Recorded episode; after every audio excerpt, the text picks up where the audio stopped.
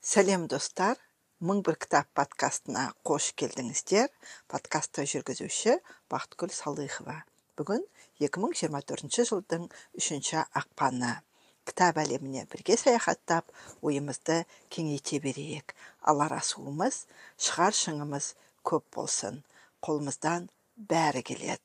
Бүгін сіздерге жылдам оқуды үйрететін кітаптар туралы айтып бергім келіп отыр. Жылдам оқу дағдыларын қалай меңгеруге болады? Оқу жылдамдығын не бәсеңдететінін қалай түсінуге болады?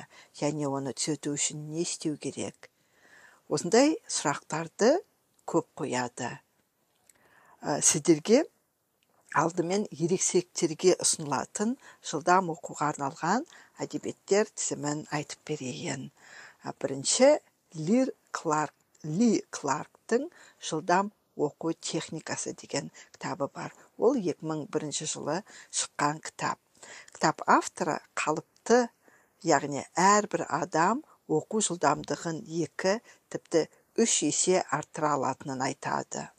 Ли кларктың оқыту әдістерінің тиімділігі америкалық университеттердің зерттеулерімен расталған.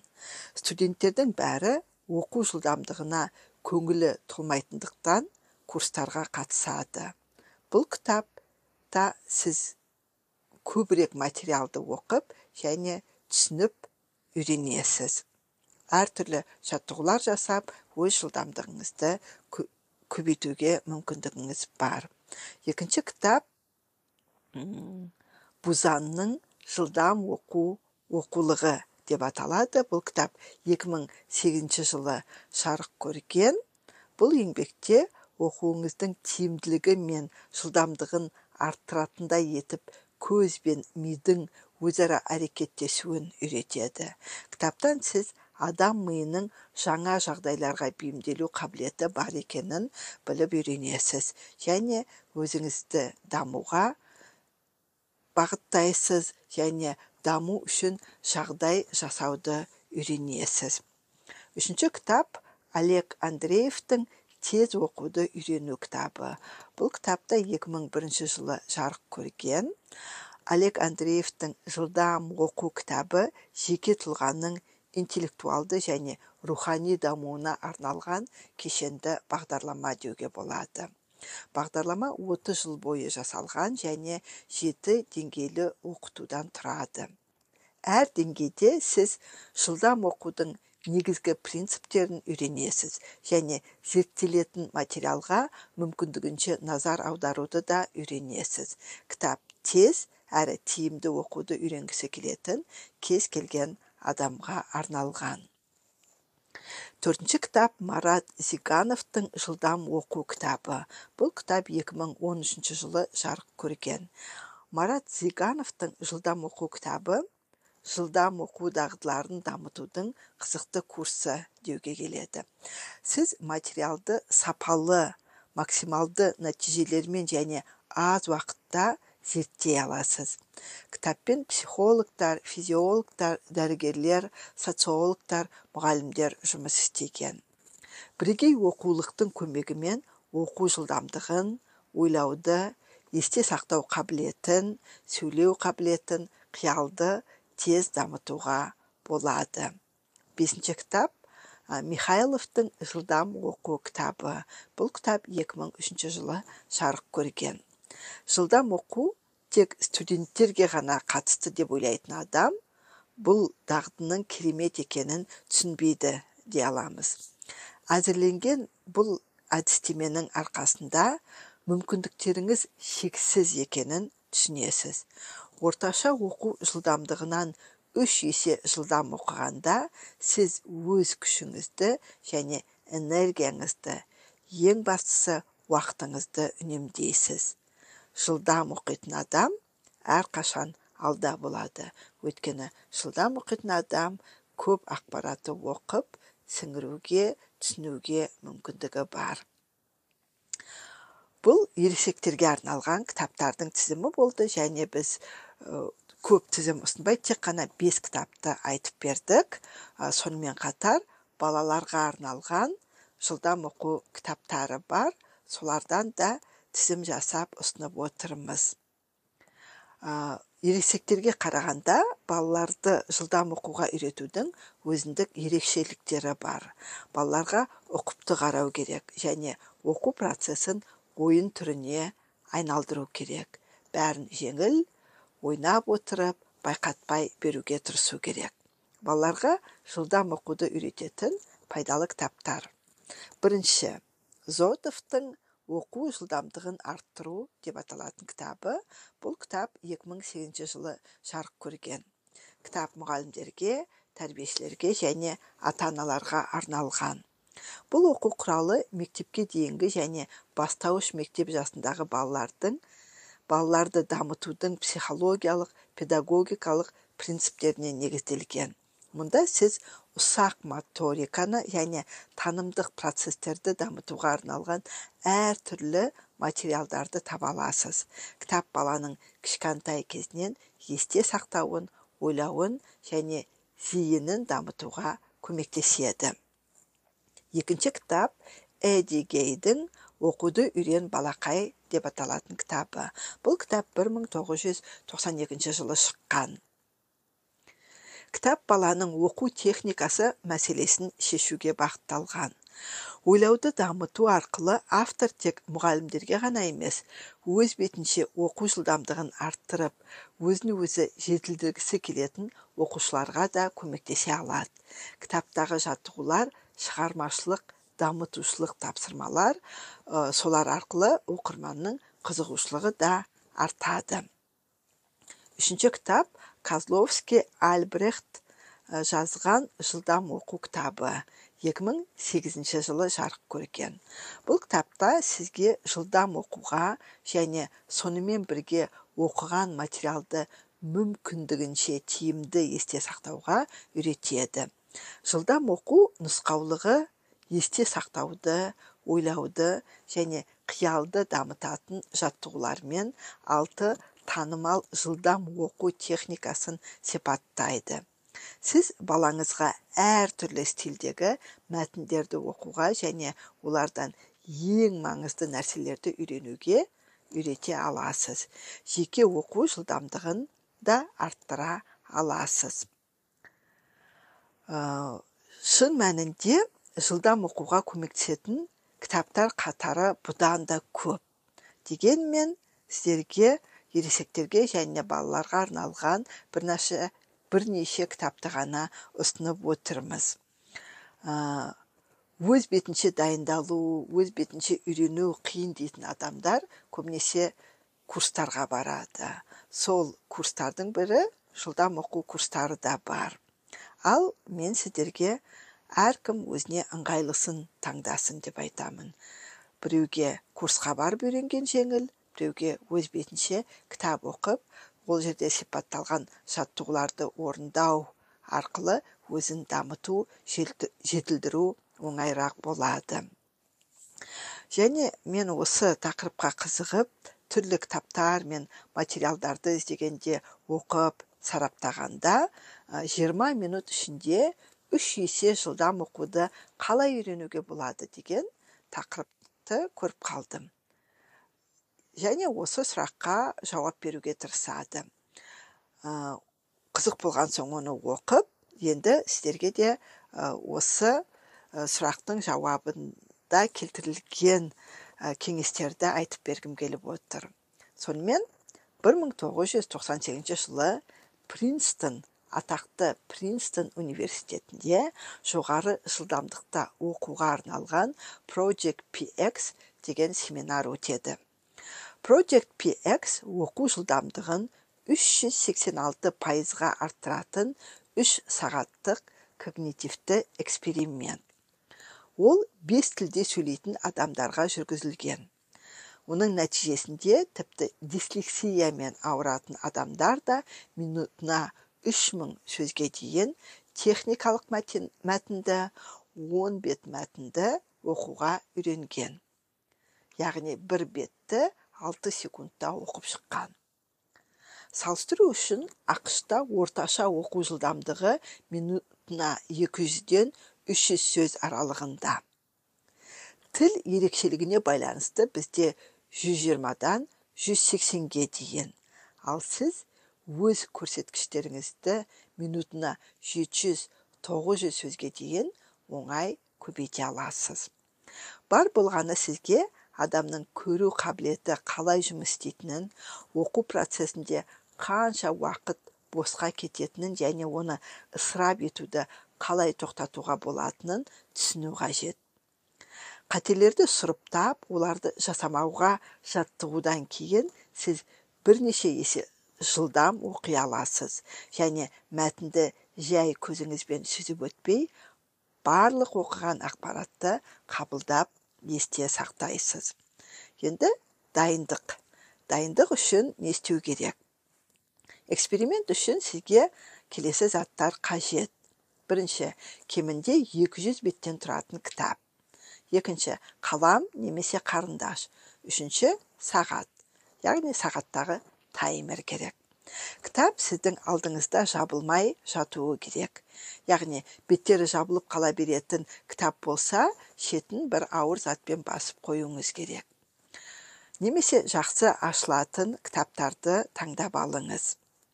Бір жаттығу сессиясы үшін сізге кемінде 20 минут қажет. Осы уақыт ішінде сізді ешкім алаңдатпайтын болсын. Пайдалы кеңестер. Жаттығуларға көшпес бұрын оқу жылдамдығын арттыруға көмектесетін бірнеше жылдам кеңестер берейік.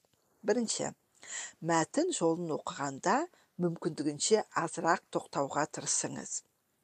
Біз оқығанда көзіміз мәтін бойында біркелкі қозғалмай бір жерден екіншісіне секіре береді.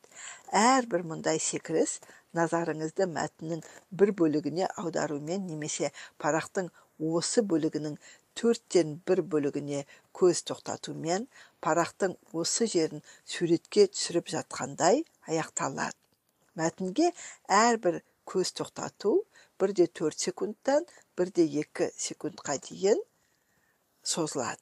Мұны сезіну үшін бір көзіңізді жұмып қабағыңызды саусағыңыздың ұшымен аздап басыңыз. Ал екінші көзіңізбен мәтін жолының үстінен баяу сырғытуға тырысыңыз. Егер сіз әріптер бойымен емес жай көлденең сызық бойымен сырғымасаңыз секірулер одан да айқын болады қалай? Осы тапсырманы істеп көрдіңіз бе?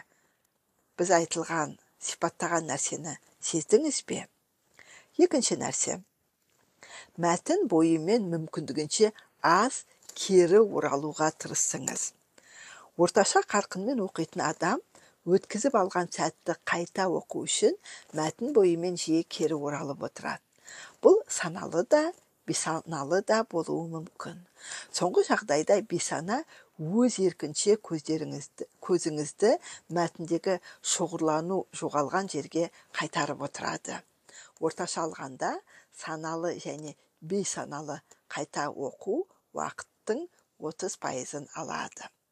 Үшінші бір тоқтаған кезде оқылатын сөздердің қамтылуын арттыру үшін зейініңізді күшейтіңіз. Орташа оқу жылдамдығы бар адамдар көлденең перифериялық көруден гөрі орталық фокусты пайдаланады. Осының кесірінен олар бір қарағандағы көздің секірісі кезінде екі есе аз сөзді қабылдай алады.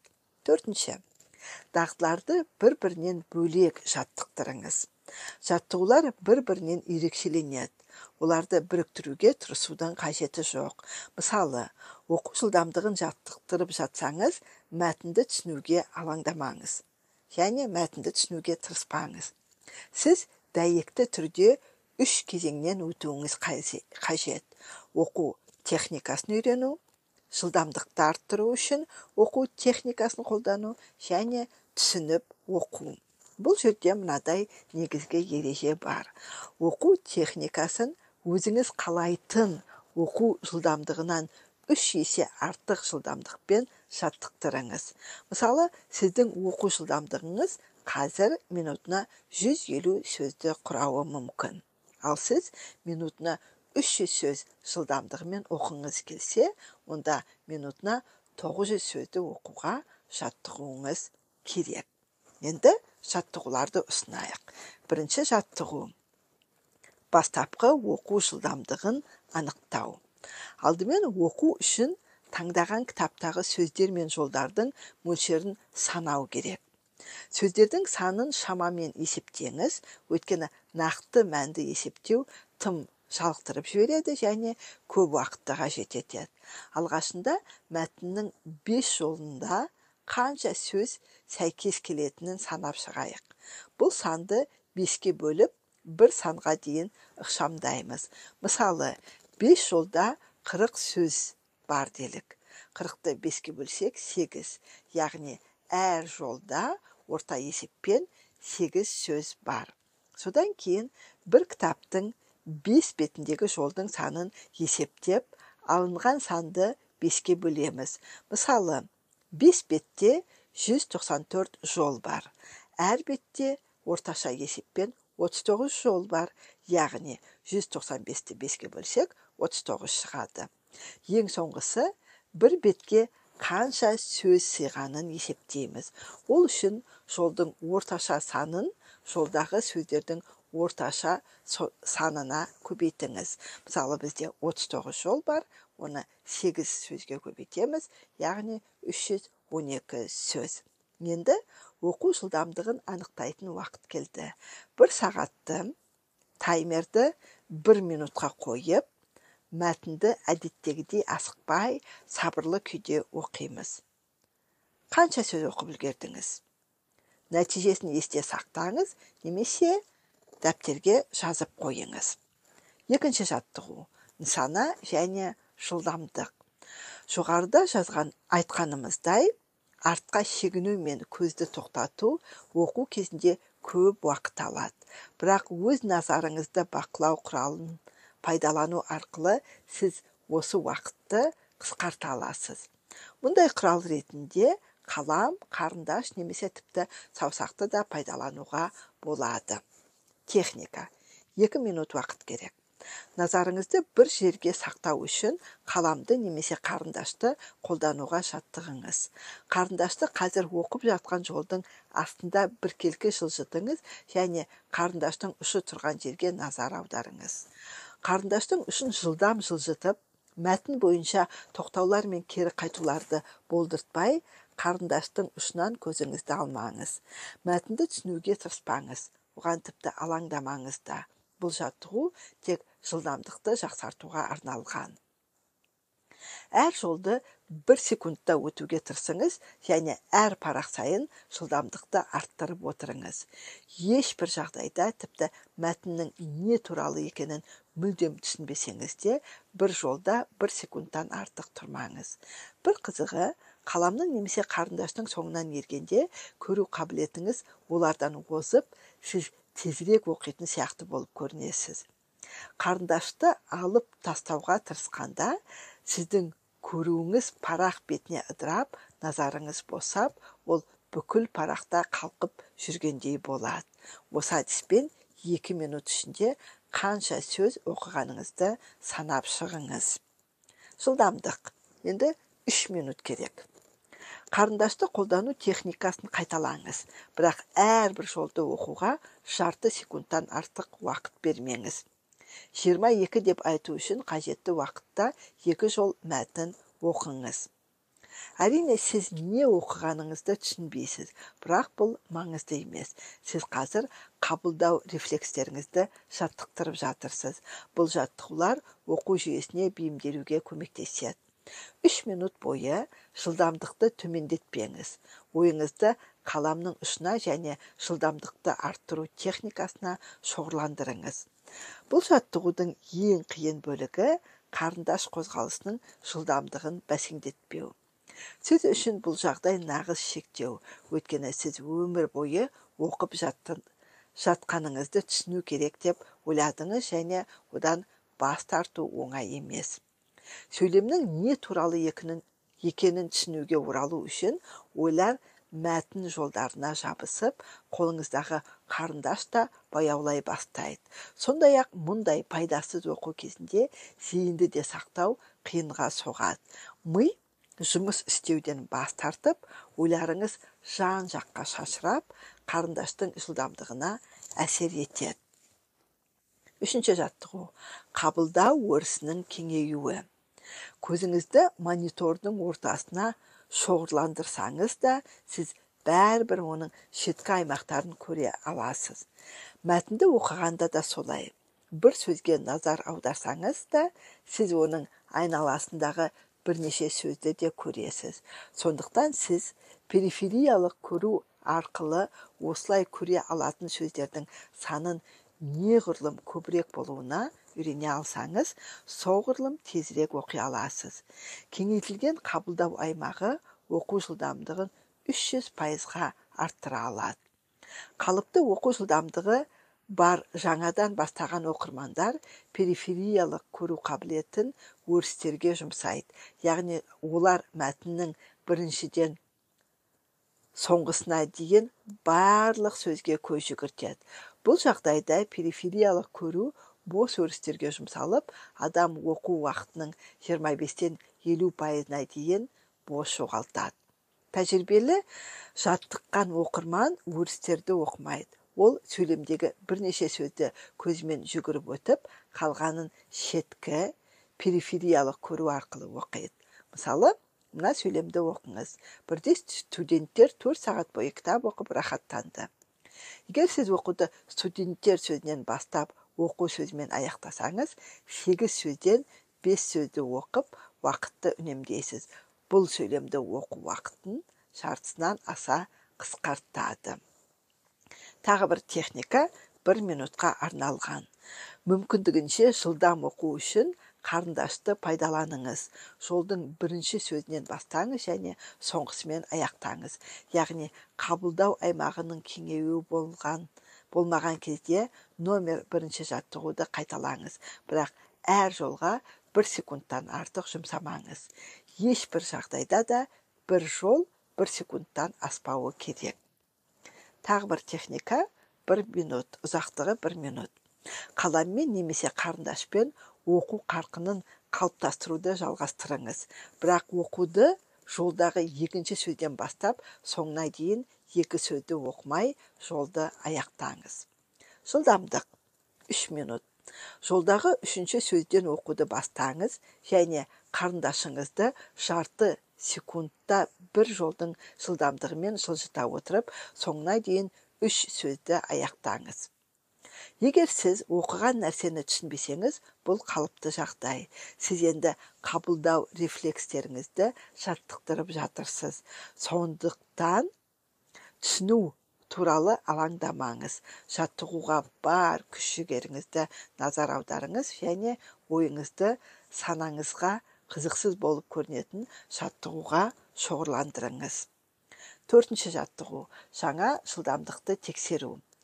Енді жаңа оқу жылдамдығын тексеретін уақыт келді. Таймерді бір минутқа қойыңыз және мәтіннің мағынасын түсіне алатындай ең жоғарғы жылдамдықта оқыңыз. Оқу жылдамдығыңыз алғашқыда санаған көрсеткіштен жоғары екенін байқаған боларсыз. Бұл таңғаларлық емес өйткені сіз сөздерді қамтудың аймағы қалай кеңейгенін байқай бастайсыз. Сіз өрістерді оқуға уақытты босқа жібермейсіз мәтін бойымен қайта жүрмейсіз. Оқу жылдамдығыңыз да айтарлықтай жоғарылайды. Осымен мың бір кітап подкастының бүгінгі эпизодын аяқтаймын. Жылдам оқу тақырыбына қызық та пайдалы ақпарат алып ұсынған жаттығуларды жасап көресіздер деп сенемін. Сонымен кітап оқып ойымызды шыңдай берейік. Ол көркем әдебиет болуы мүмкін немесе ғылыми танымдық әдебиет болуы мүмкін. Не оқысаңыздар да ойыңызды шыңдай беретініңіз өзіңізді дамытатыныңызға шүбә келтірмеңіз. Подкастты жүргізген бақытгүл салыхова келесі кездескенше сау болыңыздар.